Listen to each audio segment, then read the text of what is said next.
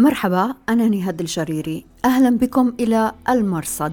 في هذا البرنامج نتابع أخبار العالم المظلم من الجهاديين إلى عالم الإنترنت المعتم والجريمة المنظمة. أهلا بكم في راديو وتلفزيون الآن. بودكاست على راديو الآن. أهلا بكم إلى حلقة هذا الأسبوع من المرصد. نغطي فيها الفترة من 26 سبتمبر إلى 2 أكتوبر 2022 إلى العناوين. نصيحة السوريين لثوار إيران احذروا اللحى المخابراتية. هل يختطف الجهاديون حراك السنة في بلوشستان؟ مع وقوع مجزرة جديدة في كابل طالبان عاجزون عن حماية الأفغان. والتعزية بالقرضاوي تظهر انقساما بين أقطاب الجهادية وعجزا أمام سلوك طالبان. وضيف الأسبوع عادل السويدي مسؤول المكتب السياسي لحركة النضال العربي لتحرير الأحواز. يحدثنا عن أهمية انتقال احتجاجات طهران إلى بلوشستان السنية وكيف إيران تضرب السنة في الداخل والخارج. وبإمكانكم الرجوع إلى نص هذه الحلقة في أخبار الآن دوت نت. بودكاست على راديو الآن. في غرة الأسبوع الثالث من احتجاجات إيران انتقلت المواجهات بين السلطة والشعب إلى محافظة بلوشستان في جنوب شرق البلاد ذات الأغلبية السنية. المواجهات كانت الأعنف بالنظر إلى عدد الضحايا من البلوش والقتلى من عناصر الحرس الثوري ومنهم ضباط. لم يتوقف الجهاديون كثيرا في نقاشاتهم عند هذه المسألة وعندما تحدث منظروهم فيها قللوا من شأن الحراك وحصروه في الحجاب.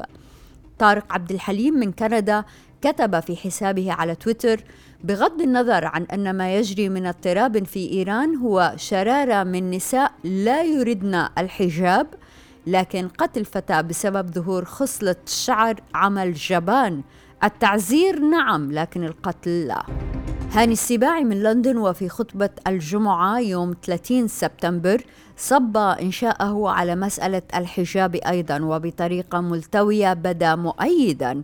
الرواية الإيرانية بأن الاحتجاجات مدفوعة بأجندة خارجية. طبعا دخل على الخط علمانيون وعلمانيات وهؤلاء الذين لهم علاقة بأجندات غربية. فتظاهرنا واللي تحرق الحجاب واللي بتضع الحجاب. لا أنت تكره الإسلام أصلا. دعك من إنك تكره اللي بت... ب... ب... ب... أنت لست ضد الظلم أنت ضد الإسلام ولا علاقة لك بقصة الحجاب أنتم تتخذوه شماعة هكذا.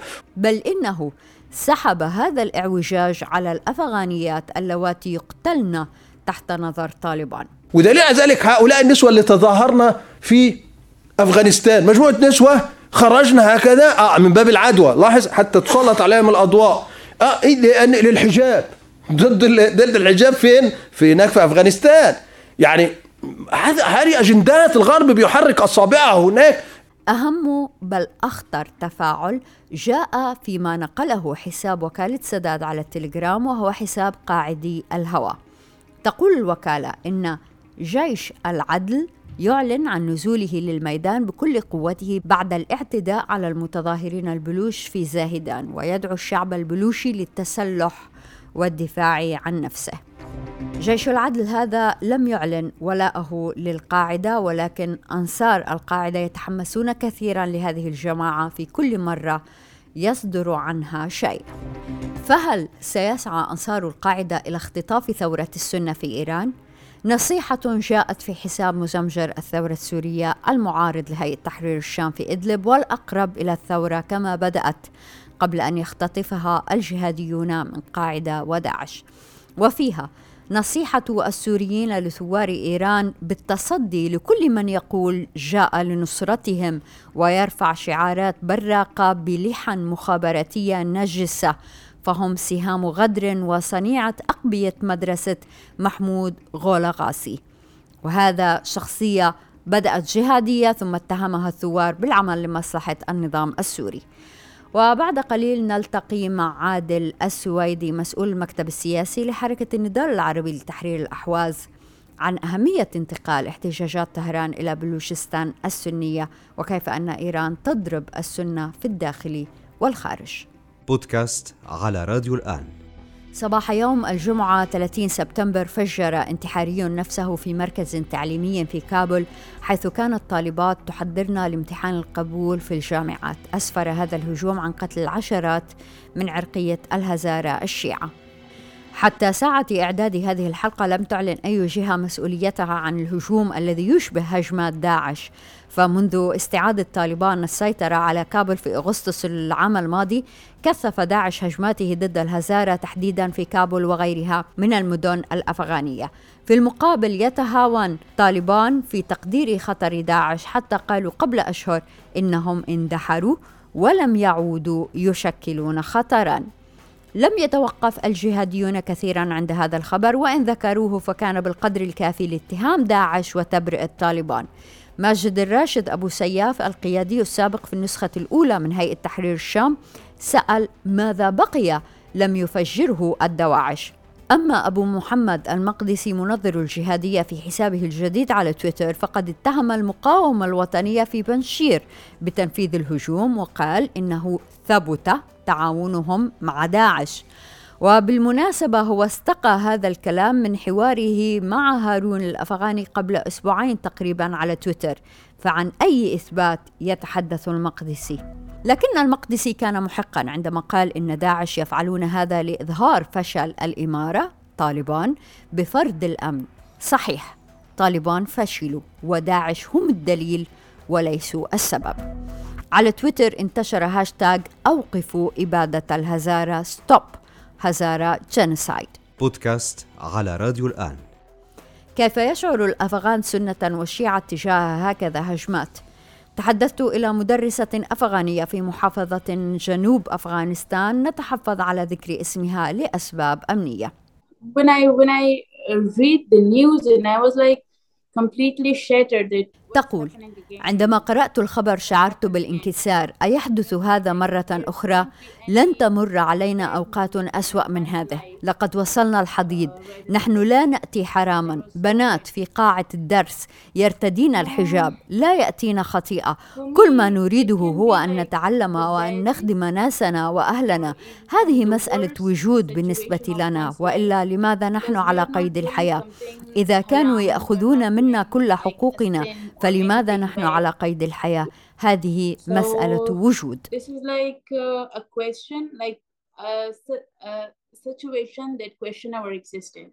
ولأي درجة تشعروا كأفغان أن طالبان أخفقوا في حمايتكم؟ And like I think, I don't know. I think that Taliban are not successful to provide security to all our تقول أعتقد أن طالبان لم ينجحوا في توفير الأمن للشعب الأفغاني لا النساء ولا الرجال في أمان نحن نخاف على إخوتنا وآبائنا. لا أحد يعلم متى يتم استهداف شخص القتل العشوائي وفي لحظة يذهب أحباؤنا بلا رجعة. ينطبق هذا على الرجال والنساء الكل في خطر في أفغانستان. This is this is the thing that uh, not only our female but our male or man woman everybody is, is in danger in Afghanistan. أنت مدرسة كيف أثرت هذه الهجمات على حضور الطلاب؟ And uh, in our NGO, we are like um, annually we are having uh, an average of our students. تقول أعمل في منظمة خيرية ونوفر معلمين لتدريس الطلاب والطالبات. في الماضي كان لدينا 40 طالبا أو طالبة. اليوم لا يتجاوز الطلاب العشرين. لم يعد الآباء والأمهات يرغبون في إرسال أبنائهم وبناتهم إلى المدارس وهذا متفهم. يخافون على أبنائهم وبناتهم. فهم في خطر.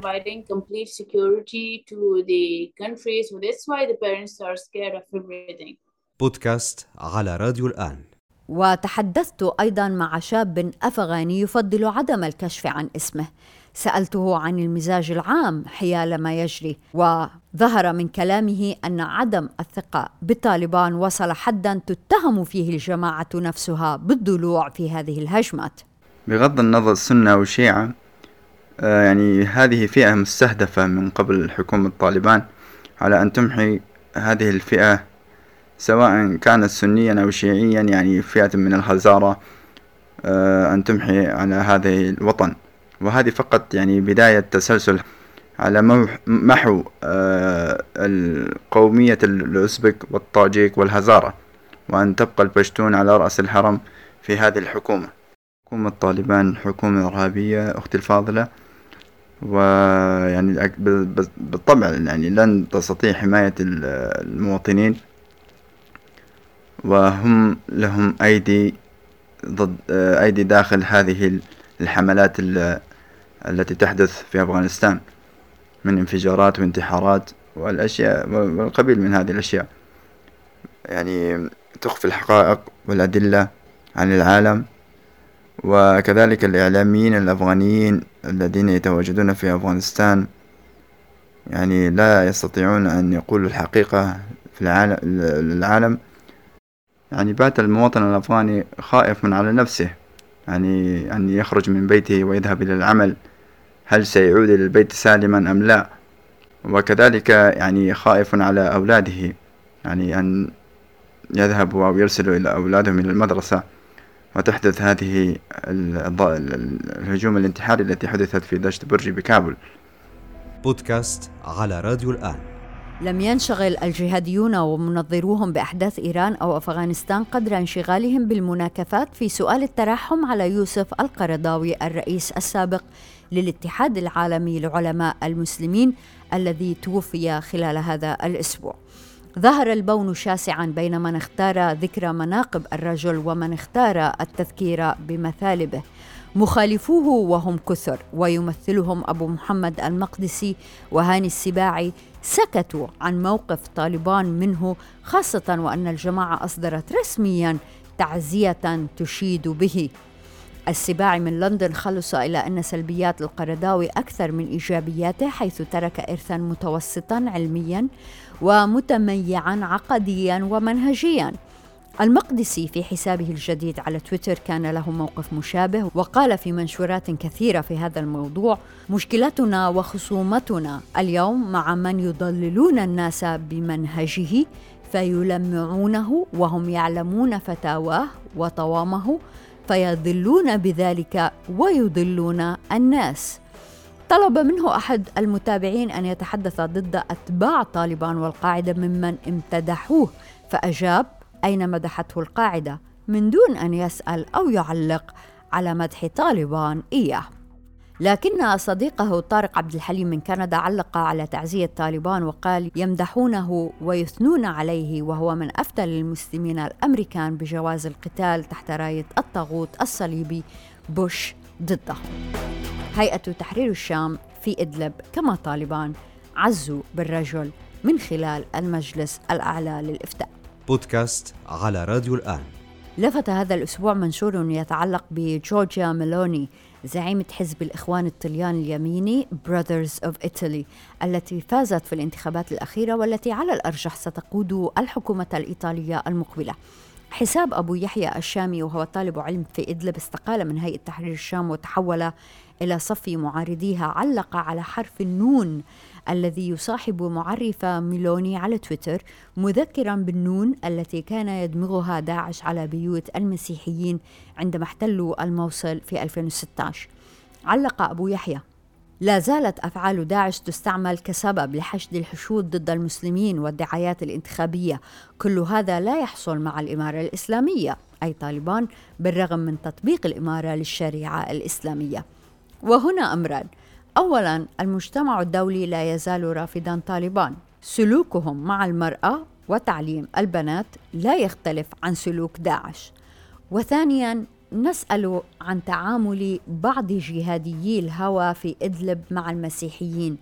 ألا يدعون إلى أن يحتل المهاجرون منازل المسيحيين مثلا؟ كيف هذا يختلف عن نون داعش؟ بودكاست على راديو الآن. أهلا بكم دائما في راديو وتلفزيون الآن. نرحب هذا الأسبوع بالأستاذ عادل السويدي مسؤول المكتب السياسي لحركة النضال العربي لتحرير الأحواز شكرا جزيلا أستاذ عادل لوجودك معنا في البرنامج شكرا جزيلا لكم أيضا ولمشاهديكم الكرام. أستاذ عادل هل فاجأك انتقال الاحتجاجات في إيران من طهران إلى زاهدان؟ هل جاءت متأخرة؟ هل كانت متوقعة؟ بالنسبة لعمق وتداوم الاحتجاجات حقيقة هذا أمر جديد حدث في السابق خصوصا في 2009 أن اندلعت طهران وجامعاتها لكن لم تكن الأطراف متفقة مع المركز. لكن فيما بعد كل الانتفاضات التي كانت وخصوصا اللي كانت تندلع من الأحواز بشكل خاص لأن الأوضاع متفجرة هناك قليل جدا كانت تتجاوب معها بقية المدن الإيرانية. لكن كان قبل سنة تقريبا في 2021 اندلعت احتجاجات واسعة ووصلت طهران وكردستان وأذربيجان لكنها أيضا قمعت بقوة غريبة سرعان ما انطفأت بعد حين. لكن على العموم هذه تراكمات ما جرى منذ حوالي 17 يوما في كردستان ثم طهران. وثم اذربيجان وحتى في الأحواز ثم انتقالها إلى جميع الأطراف، كل الأطراف شبه مشتعلة وخصوصا ما جرى من مجزرة في زاهدان بلوشستان التي تعودت سلطات خامنئي أن تقوم بالرد بالنار والحديد في بلوشستان والأحواز على وجه الخصوص. على العموم ما يفرز الأمر أو يعطي طابع جديد في الانتفاضة والاهتمام العالمي فيها أن طهران والمدن الكبرى الرئيسية إصفهان شيراز ثم الأطراف جميعها تؤكد على استمرار هذه الثورة ضد الملالي التي شاخت مؤسساتهم وشاخ قهرهم ووصلوا إلى طريق شبه مسدود لذلك انتفضت هذه الشعوب ضد الملالي. أستاذ عادل حضرتك متابع للاحتجاجات في إيران بشكل عام وخاصة في المناطق السنية أو في المناطق العربية مثل الأحواز. هذه الاحتجاجات ليست غريبة على إيران لكن لأي درجة احتجاجات هذا العام مختلفة؟ الاحتجاجات التي بدأت بقتل المهسا أميني. نرى أن رموز في الثقافة الإيرانية اليوم مثل علي دائي يعنون الكثير لجمهور الشباب الإيراني الذي ولد بعد ثورة الخميني. نرى كيف يقفون بهذا الشكل ضد النظام ويتحدثون بهذه الجرأة. ماذا يعني هذا؟ جميع الوجوه حتى الشهيدة مهسا أميني شابة لا تتجاوز عمرها يتجاوز 22 عاما. إذا مجموعة الشباب وهذه الشباب التي تمثل أكثر من 70% من داخل المجتمع الإيراني بشكل عام و حتى في الأحواز يعني فئة الشباب ما بين العمر 15 لغاية الأربعين يمثلون 74% إذا من يقود الانتفاضات والاحتجاجات لغاية هذا اليوم هم الفئة الشبابية التي هي الأكثر نسبة من تواجدها لم يعد قادر خامنئي بكل جبروته وقدرته على إخضاع ما خارج إيران عما هم في الداخل. إذا الانفجار هذا انفجار موضوعي وتراكمي موضوع بلوشستان. انتقال الأمر إلى بلوشستان اتضح من خلال العمل والمجزرة التي أقاموا قامت فيها جماعات الحرس الثوري هناك. أن تريد أن تطفئ الاحتجاجات بأي شكل. بالقصف رأينا القصف المباشر العمل الأمني العسكري المباشر في كردستان وفي اذربيجان العفو في بلوشستان بشكل خاص. وهذا الأمر يدل على أن الاحتجاجات بدات تقض مضاجع الأمن الإيراني الذي هو ذاته منقسم وفيه تناقضات بينية نراها بين الأيام الأخيرة والانشقاقات يبدو التي ستطال الجميع خصوصا مؤسسات الرياضة ورموز الرياضة الذين ابدوا موقفهم المتعاطف والمناوئ لسلطات طهران. المجمع حتى الحوزة العلمية كانت قد أصدرت يوم أمس بيان جماعي وموقع بأسماء آه، آه، مراجع معروفة تندد بما يجري واستهدفوا خامنئي بشكل خاص على أنه ليس آه، يعني مرجعا ولا يعني حتى مسألة الولي الفقيه لا لا يستطيع القيام فيه أو غير جدير بهذه المهمة، على العموم هذه كلها بدايات انشقاقات أخرى ستطال ستطال جميع ال الذين كانوا جزء من النظام وبدأوا ينفصلون منه حتى طالت مسألة مؤسسه الجيش الإيراني. أستاذ عادل إذا الصدامات كانت عنيفة في زاهدان أعنف من أي مكان آخر في إيران، بماذا ينبئنا هذا؟ نجد أن في بلوشستان خلال يوم واحد يعادل الضحايا الذين سقطوا على يد الإرهاب الإيراني والحرس الثوري في عموم طهران وإصفهان وغيرها لأن الأرقام تشير حقيقة إلى أكثر من 85 هذه الإحصائيات شبه الرسمية. 85 آه، شهيد بين بنت وشاب في شوارع مختلفة. آه، لكن خلال ساعات بسيطة آه، وقع أكثر من يعني وفق ما جرى في زاهدان أكثر من 30 قتيل في قصف واحد و85 جريح. إذا آه، ردة الفعل البلوشية أيضا في هذا السياق لابد من الانتباه لها لأنهم كانوا يتوقعون الرد القاسي لأن هذا الثابت الذي لم يتغير فكان الرصد البلوشي الحزبي للتحركات الإيرانية في زابل وزاهدان كان دقيقا الأمر الذي آه، كانت ردة الفعل البلوشية في استهداف عقيدين مهمين كرؤساء وقيادات في الاستخبارات العسكرية الحرس الثوري وتصفيتهم بالإضافة إلى تصفية أحد عشر عنصرا هاما من عناصر الحرس الثوري. هذا انقضاض واضح على السنة ضمن الدولة الإيرانية وهذا يذكرنا بالانقضاض على السنة في أماكن أخرى خارج الحدود الإيرانية في العراق ولبنان واليمن. وهنا يهمنا أن نتحدث عن علاقة الجماعات الجهادية آه، مع إيران بالنظر إلى وجود قيادات القاعدة في إيران. فمن ناحية إيران تحمل قاعدة بهذا الشكل وهي في نفس الوقت آه، تنقض على السنة في إيران وخارجها. من ناحية أخرى إلى أي درجة ممكن أن تحرك إيران القاعدة بشكل مباشر أو غير مباشر لاختطاف الحراك الشعبي في زاهدان في بلوشستان. حتى تقول إيران إنها تقمع إرهابيين بينما في الحقيقة هو حراك ثوري مشروع. إلى أي درجة ثم التخوف؟ أثبتت الوقائع والبراهين أن هناك علاقة متينة ووثيقة بين جماعات الإرهاب في القاعدة في أفغانستان والذين معظمهم اليوم يسكنون آه، في طهران وفي قم ولهم معسكراتهم الخاصة وتعاونوا مع إيران تحت رعاية إيران في آه، تدمير العراق بشكل خاص وكان معروف الزرقاوي ودوره وحتى حملة للأسلحة اللي كانت تعبر وتحملها له إيران ووصولها إلى ليس فقط العراق إنما حتى في سوريا إلى المملكة العربية السعودية ولا حتى محاولاتهم الأخيرة إلى الأردن.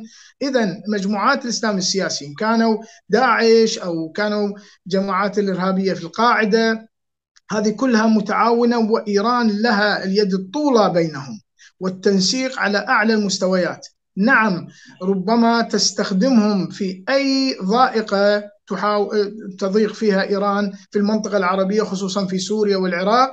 آه، حقيقة نرصد كل ما يجري آه، من تحركات إيرانية على الصعيد العراقي على الصعيد الأفغاني وعلى الصعيد السوري واللبناني. آه، فإيران سابقا في كل ليس فقط في بلوشستان رغم أن بلوشستان لديهم تجربة ميدانية في هذا السياق وتم اختراقهم سابقا. لكن الآن الوضع الإيراني المربك داخليا يدفعها في أن تستنجد بمجموعاتها التي آه، أحدثت كوارث في في بلاد الشام في سوريا. مع المناضلين السوريين الذين هؤلاء جاءوا واخترقوهم ودمروا كل مساعيهم وحتى التصفيات الكبيرة التي حصلت في صفوف الثوار السوريين. آه، استدعت إيران بسرعة جماعاتها لكي يتم الاختراق لأنها صعب آه، اختراق البلوش والمقاومة والحركة البلوشية في الداخل. فأقدمت على أن ترسل نفس الخطاب شوفوا يعني هؤلاء سنة وخطابهم جهادي وأهل لحايه بهذا الشكل إيران يعني لديها لديها باع طويل في هذا السياق خصوصا في العراق وسوريا. المناطق الأحوازية مثلا يأتون بجماعات شيعية ويتحدثون اللهجة العربية الأحوازية من الجنوب العراقي وهم فرس في الأصول وهم آه، عملاء إيرانيين. فلذا لكل منطقة طريقة ترسل فيها عناصرها لكي يتم قمع وقتل وتصفية آه، مسؤولي الحراك ضد سلطات طهران. أستاذ عادل السويدي شكرا جزيلا لك. الله يحفظك أستاذ نهاد شكرا جزيلا لكم أيضا.